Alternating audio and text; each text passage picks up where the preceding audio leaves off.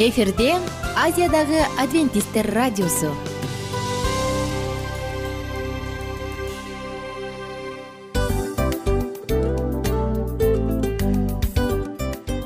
Достор салют.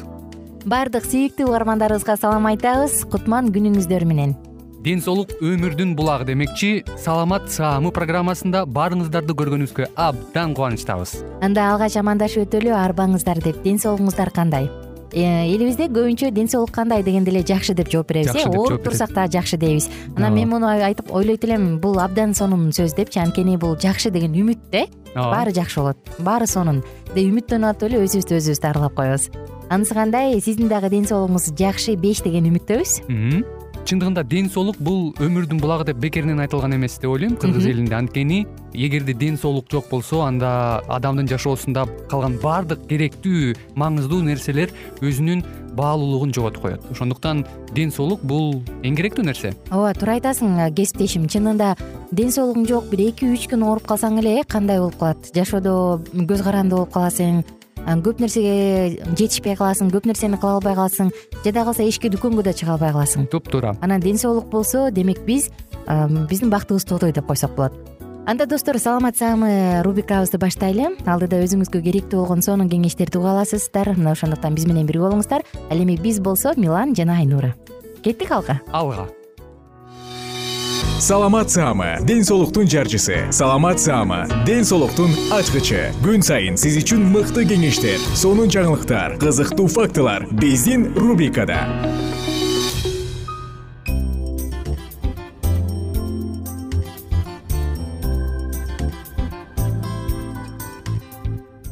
кутман күнүңүздөр менен кадырлуу замандаштар биздин досторубуз жалпыңыздар менен кайрадан биз жагымдуу саатыбызды баштадык бул уктуруу саламат саама деп аталат. Жана бүгүн дагы сиздер менен бирге эмчек рагы жөнүндө сөз кылалы деп турабыз. Мурунку уктуруубузда дал ушул эмчек рагында сүт бездеринин рак оорусунда төштүн жакшы саламатта болуш үчүн кандай смузи ичиш керек мына ушул жөнүндө сөз кылабыз. Бүгүн дагы бир аз бул маалыматка токтойбуз дагы андан соң саатыбызды улантабыз рак бул өлүм эмес э? Эртелеп дарыласа көкүрөктү эмес адам өмүрүн дагы сактап калса болот. Сүт бездеринин залалдуу шишиги өмүр үчүн күрөш алдын алуу тууралуу биз алдыда кенен сөз кылабыз. Аял затында жолуккан залалдуу шишик оорулардын ичинен эң биринчи эле орунда турган бул сүт безинин рак оорусу экен. Статистика боюнча бул дартка кабылган кыргызстандык айымдардын саны акыркы он беш жылда эки эсеге көбөйгөн айыл тургундарына караганда ири шаарлардын өндүрүштүк аймактардын жашоочуларында көбүрөөк жолугат. Сүт безинин рак оорусу менен ооруган эркектер дагы бар бирок алар өтө эле аз. Үй бүлөсүндө эмне себептен эмне буга себеп болушу мүмкүн? Ушул жөнүндө сөз кылсак. Үй бүлөсүндө залалдуу шишик оорусунан жабыр тарткандар болсо тукум кубуйт жаш кыздарда айыз кечигип келгенде болот. Төрөбөстүк же жаш өткөндө алгач ирет көз жаруу. Баланы эмизүүдөн баш тартуу көп жылдар жыныстык катнашта жашабоо гормоналдык фондун бузулушуна алып келген тукум уулоо органдарынын оорулары кан басым оорулары кандый диабети жүрөк кан тамыр оорулары атеросклероз эмчекте оорутпаган катуу нерсе пайда болот. Эмчектин формасы өзгөрө баштайт эмчектин териси бырышып тартылып калат. Карачы эмчекте оорутпаган катуу нерсе пайда болот экен. Эмчектин териси бырышып тартылып калат. Эки эмчектин бири оорлошуп ооруксунат эмчектин үрүптөрү көп тартышат. Үрүптөн кан аралаш суюктук бөлүнөт же жөн гана суюктук бөлүнөт. Тери эрозиясы пайда болот. Кан тамырлар жуунойуп баштайт. Лимон кабыгы сымал бүртүктөр терини камтайт. Колтук алдындагы лимфа түйүндөрү чоңоет. Онкологиялык оорулардын ичинен сүт бездеринин оорусу биринчи орунда. Жылына жер жүзүндөгү бир миллион адамда рак дарты аныкталат. Бул да болсо расмий гана маалымат билинбегендер канча ар бир сегизинчи америкалык айым ар бир онунчу европалык айым өмүрүндө рак менен ооруйт экен. Чыгыш өлкөлөрүндө бул көрсөткүч төмөн ар бир сексенинчи жапон жетимиш бешинчи корей жетимиш биринчи кытай айымы сүт безинин залалдуу шишик оорусуна чалдыгат. Мындай текшерүүнүн жана дарылоонун таасирдүүлүгүнүн көрсөткүчү болуп беш жылдык туруштук берүү болуп эсептелет. Бул көрсөткүч кыргызстанда күндөн күнгө ылдыйлап жатат. Мисалга эки миң он биринчи жылы кырк жети эки миң он экинчи жылы кырк бир пайыз болгон рак оорусуна чалдыккан жүз аялдын кырк экиси гана беш жылга чейин жашайт деген сөз. Сүт безинин рагы эртерээк аныкталса айыгат дарт эрте аныкталса токсон беш пайыз учурда толук сакайып кетишет. Эрте аныкталган диагноз эмчекти операциядан гана сактабастан адам өмүрүн дагы сактап калат. Себептер эмнеден улам болот? Жаман адаттар зыяндуу адаттар чылым ичимдик алкоголдук жана башка гормоналдык бузулуулар жыныстык жашоосуна канааттанбагандык бойдон алдыруу ажырашуу стресс төрөбөстүк спорт менен машыкпагандык семирүү бирөөгө кек сактоо таарынуу ызалануу кечире албоо психологиялык көйгөйлөр булардын баардыгы тең себептери болушу мүмкүн. Бул факторлор мастопатия фиброаденома сыяктуу шишик оорулардын пайда болушун шарттайт дагы убагында дарылабаса рак оорусуна чалдыгып келет көк рак рагы формасы өлчөмү бузулган рак клеткаларынын көзөмөлсүз активдүү жайылышынын натыйжасы. Дарылабаса шишиктин өлчөмү чоңоюп териге булчуңдарга көкүрөк клеткасын каптап өсүп башка органдарга дагы кетип калат достор. Анда биз сөз кылалы. Бүгүн ракка каршы деп аталган сок менен бөлүшөлү деп турабыз. Мурунку уктуруубузда эсиңизде болсо айтканбыз э? Рецидив болбош үчүн дагы биз айткан смузи сокторду ичип турсаңыз жардам берет деп. Анда биз сөз кылалы бүгүн сиздер менен анар ширеси жана сабиз жана зыгыр уругу жөнүндө сөз кылалы деп турабыз. Бул үч азык түлүк эң мыкты азык түлүктөр жана мыкты антиоксиданттар. Калифорния университети риверсайдда америка кошмо штаттарында алар ушул гранат ширесин пайдалануу менен рак клеткаларынын өсүүнүн жана метастаздын алдын алууга мүмкүн деп айтышкан караңыздарчы. Ал эми ошондой эле алар ошону менен бирге анар ширеси абдан мыкты экендигин жана ал баардык ракты алдын алууда жакшы жардам бере алгандыгын айткан. Ал эми сабиз көкүрөктү коргоочу мыкты жашылча экени айтылган. Алар элүү бир миң аял катышкан масштабтуу изилдөө жүргүзүп анан анда сабиз менен капуста жашылчалардын ичинен рак оорусуна чалдыгуу коркунучун алдын алуучу эң мыкты жашылчалар экенин эсептешкен далилдешкен анда достор мындай коркунучтан корко турган болсок алдын алгыбыз келсе сизге сонун соктун ингредиенттерин айтып берели рецебин жазып алыңыз. Сизге керектүү ингредиенттер бир порция үчүн. Бир анар орточо көлөмдөгү үч сабиз орточо көлөмдөгү жана бир аш кашык зыгыр уругу. Болду. Дагы бир жолу кайталайын. Бир анар үч сабиз бир аш кашык майдаланган зыгыр уругу аны чия уругу менен дагы алмаштырып койсоңуз болот. Анардын ичиндеги дандардын баарын алып чыгып блендерде майдалаңыз дагы. Пайда болгон смести ширесин бөлүп алыңыз шире болсун. Андан кийин сабизди соковыжималкадан өткөрүңүз анан аны гранаттын согу менен аралаштырыңыз. Зыгырдын уругун же чиянын уругун жакшылап майдалап алыңыз дагы жанагы сокко кошуңуз болду. Баары даяр иче берсеңиз болот. Караңызчы достор жөнөкөй жана сонун. Дал ушул ракка каршы деп аталган соктун курамында биздин бир күнгө керектүү болгон дозабыздан үч эсе көп антиоксиданттар бар. Мындай ширени ракка гана каршы болбостон күчтүү антиоксидант сезгенүүгө каршы жана тазалоочу сонун касиети бар а к с б бир витаминдери б алты витамини бар фалат калий магний е витамини цинк темир. Булардын баардыгында баардыгы тең. Дал ушул ракка каршы деп аталган соктун курамында кездешет. Достор оорубаңыздар бар болуңуздар бай болуңуздар. Аял заты сиздер энесиздер сиздер бир үйдүн кутусуздар. Ошондуктан сиздер өзүңүздөрдү өзгөчө караңыздар карашыңыздар керек. Анткени сизди сизге балдарыңыздын жолдошуңуздун бактысы байланган сиздер менен коштошобуз. Кийинки уктуруудан амандашканча.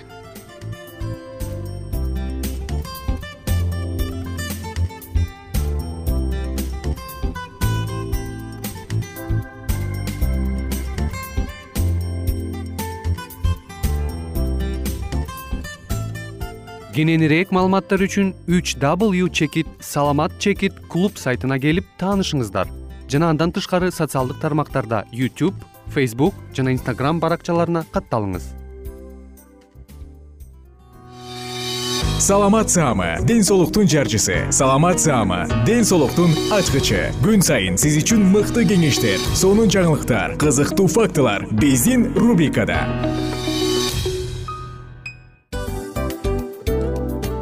Салам достор.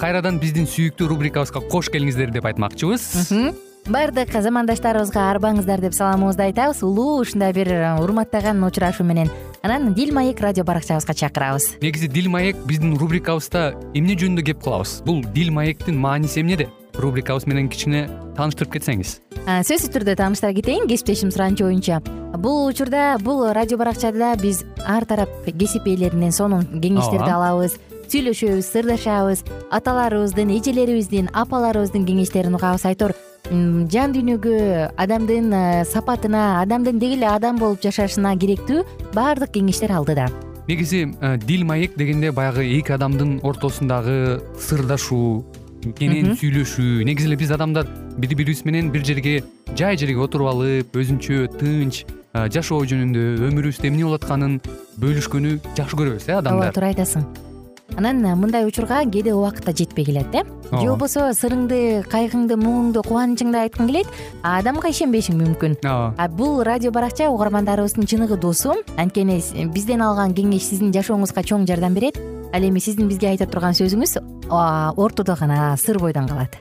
Ошондуктан биздин дил маек рубрикабызга дагы бир жолу кош келиңиздер. Жана биз даярдаган маалыматтарга даяр болуңуздар. Айнура жана милан сиздер менен бирге алдыга кеттик ар түрдүү ардактуу кесип ээлеринен. Алтын сөздөр жүрөк ачышкан сыр чачышкан сонун маек. Дил маек рубрикасында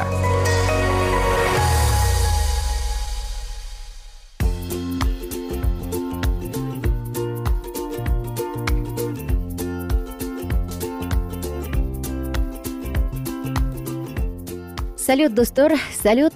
Биздин сүйүктүү угармандарыбыз жалпыңыздар менен жыштыгыздан үн алышып кайрадан дил маек уктуруусун баштаганыбызга абдан кубанычтамын.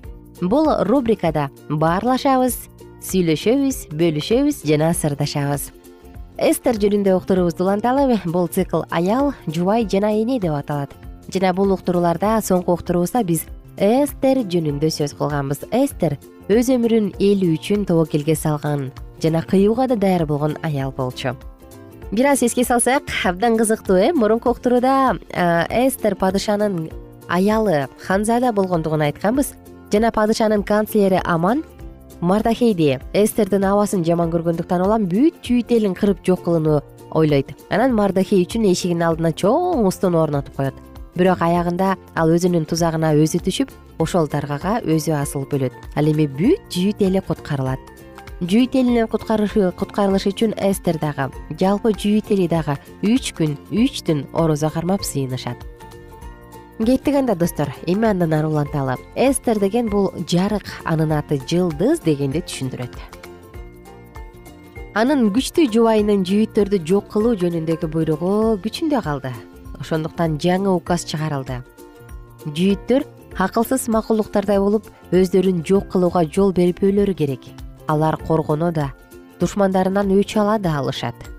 Жүйүттөр жөнүндө жазып падышанын мөөр шакегин баскыла деди падыша эстер менен мардахейге өз өмүрүн тобокелге салып жүйүттөрдү сактап калган баатыр аял бул тууралуу элге жеке өзү кабарлоого укуктуу бул момун аял даңкы чыккан баатыр аял болуп калды жүйүттөрдү массалык түрдө кыруу ишке ашырылар учурда кубанычтуу кабар келди.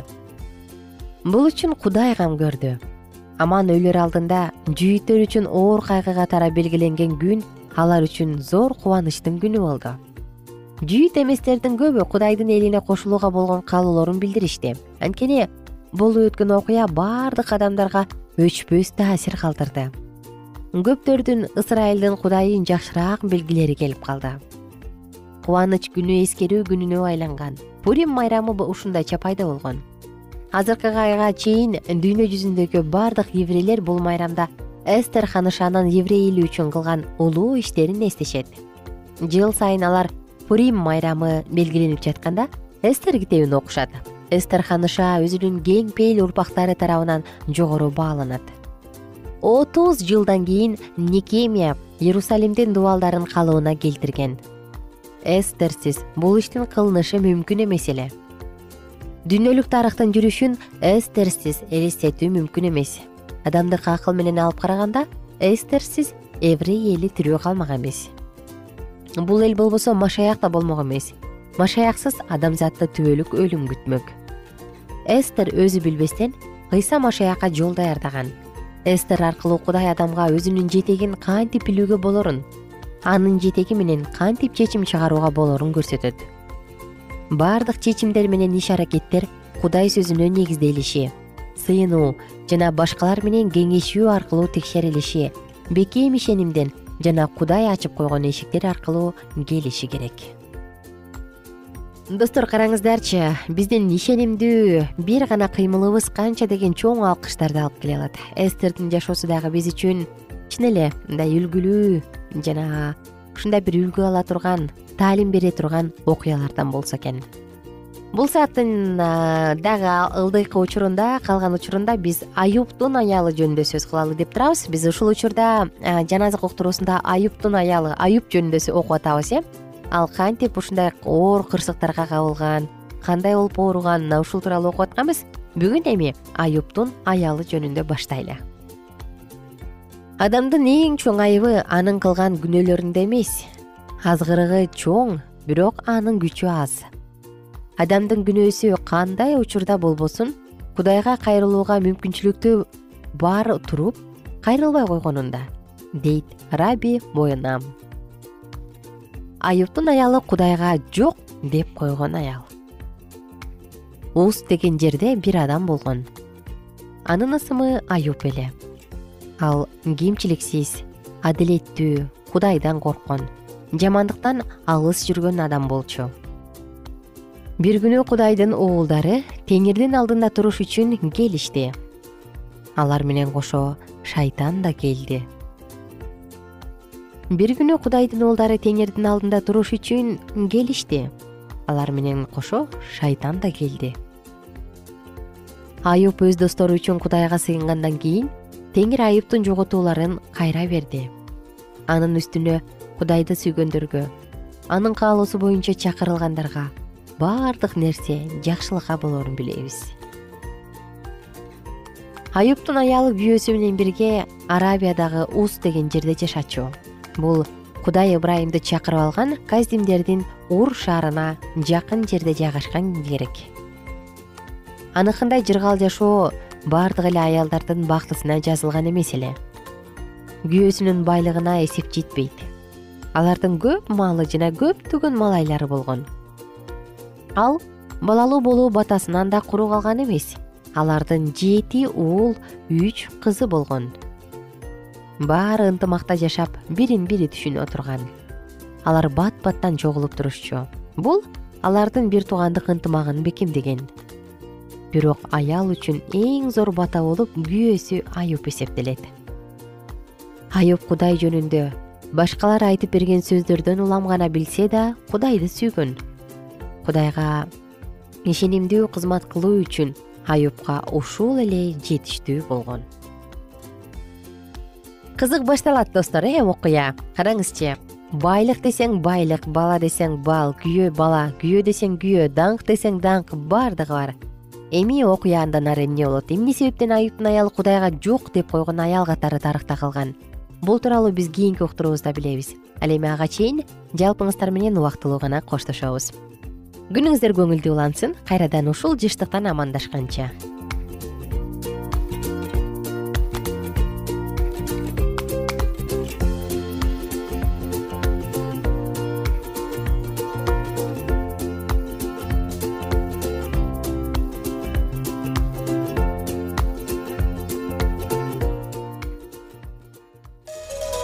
ар түрдүү ардактуу кесип ээлеринен. Алтын сөздөр жүрөк ачышкан сыр чачышкан сонун маек. Дил маек рубрикасында.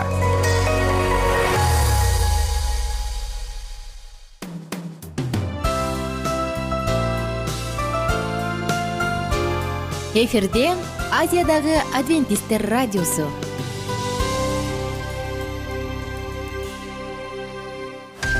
жан дүйнөңдү байыткан жүрөгүңдү азыктанткан жашооңо маңыз тартуулаган жан азык рубрикасы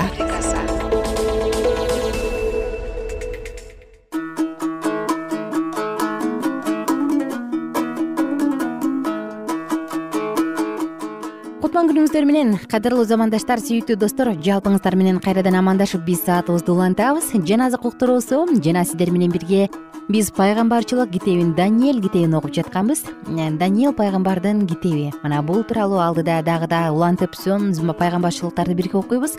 Ага чейин сиздердин баарыңыздарды биз менен бирге болууга чакырабыз. Даниэл китеби он биринчи бөлүм. Он экинчи аяттан ары түштүк падышасынын аскерлери кайраттанат. Падышанын жүрөгү көтөрүлөт. Ал миңдеген аскерлерди сулатат бирок күч кубаттуу бойдон калбайт.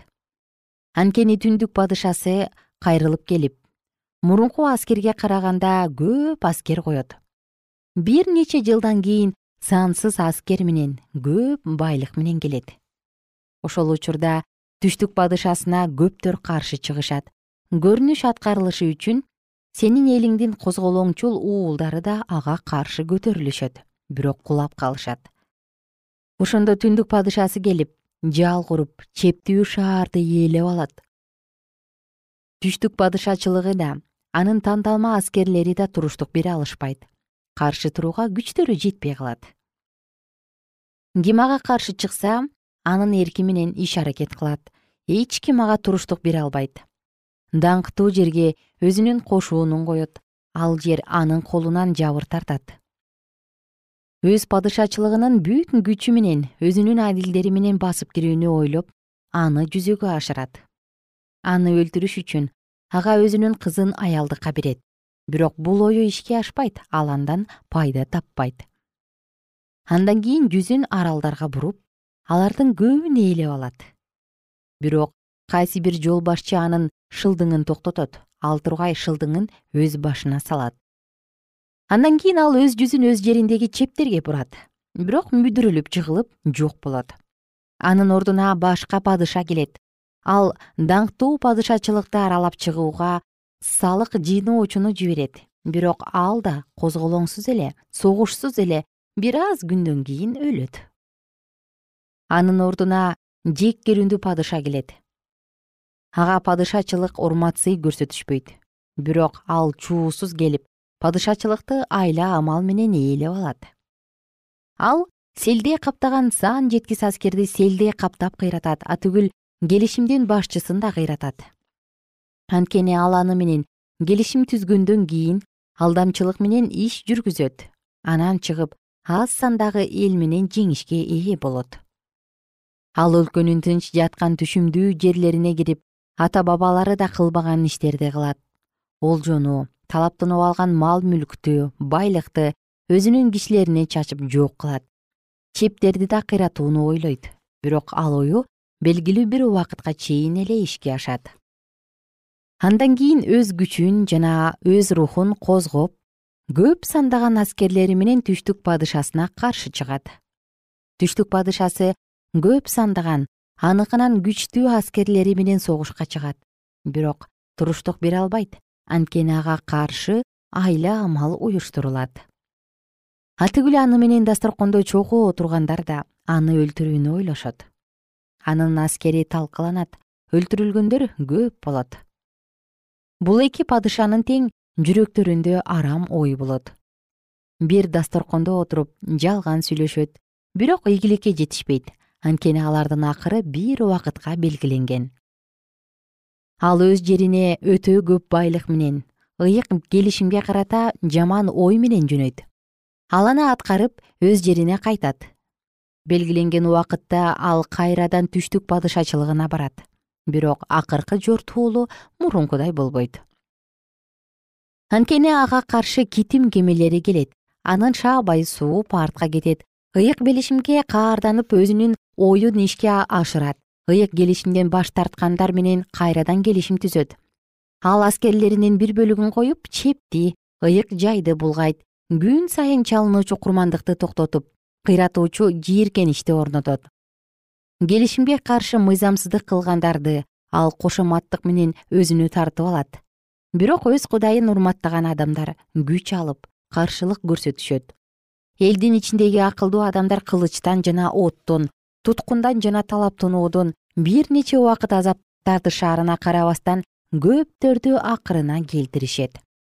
Азап тартып жатышканда аларга бир аз жардам болот. Аларга көптөр кошулушат бирок анткордук менен. Акылдуу адамдардын ичинен кээ бирлери акыркы күн келгенге чейин сыналыш үчүн күнөөдөн тазаланыш үчүн агарыш үчүн азап тартышат. Анткени белгиленген мөөнөткө чейин дагы убакыт бар. Ал падыша өзү каалагандай иш жүргүзөт. Менменсинип өзүн бардык кудайлардан жогору коет. Кудайлардын кудайы жөнүндө жаман сөздөрдү сүйлөйт. Каар төгүлгөнгө чейин ал ийгиликке жетет. Анткени алдын ала эмне белгиленсе ошол ишке ашат. Ал өзү өз ата бабаларынын кудайлары жөнүндө да аялдардын каалоосу жөнүндө да ойлобойт эч бир кудайды сыйлабайт анткени өзүн бардыгынан жогору коет. Бирок анын ордуна күчтүн кудайына урмат көрсөтөт. Ата бабалары билбеген ал кудайга алтын күмүштөр менен асыл таштар менен ар кандай кымбат баалуу буюмдар менен урмат көрсөтөт. Чоочун кудайдын урматына бекем чеп тургузат. Аны кабыл алгандардын даражасын көтөрүп көп элдин үстүнө бийликке коет. Жерди сыйлык катары бөлүп берет мезгилдин акырында аны менен түштүк падышасы салгылашат. Түндүк падышасы майдан арабалары атчан аскерлери жана көп сандаган кемелери менен ага каршы бороондой көтөрүлүп келип өлкөлөргө кол салып аларды ташкындай каптап тебелеп тепсеп өтүп кетет. Анан ал эң жакшы жерге кирет. Көптөгөн өлкөлөр жабыр тартат. Анын колунан эдом маап жана амон уулдарынын чоң бөлүгү гана кутулат ал өзүнүн колун ар кайсы өлкөлөргө каршы сунат мисир жери да кутулбайт ал мисирдин казынында дагы алтын күмүшүн бардык байлыгын ээлеп алат. Анын артынан луптуктар менен эфиопиялыктар ээрчишет. Бирок чыгыштан жана түндүктөн угулган кабарлар анын тынчын алып ошондо ал катуу каарданып көп элдерди кырып жок кылуу үчүн чыгат. Анан ал өзүнүн падыша чатырлардын деңиз менен даңктуу ыйык жай турган тоонун ортосуна тигет бирок анын акыры келет. Ага эч ким жардам бербейт.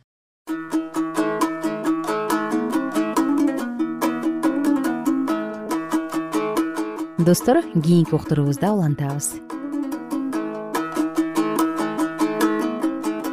Эгер сиздерде суроолор болсо же көбүрөөк маалымат билем десеңиз анда биздин whatsapp номерибизге жазыңыз. Плюс бир үч жүз бир жети жүз алтымыш алтымыш жетимиш. Кайрадан плюс бир үч жүз бир жети жүз алтымыш алтымыш жетимиш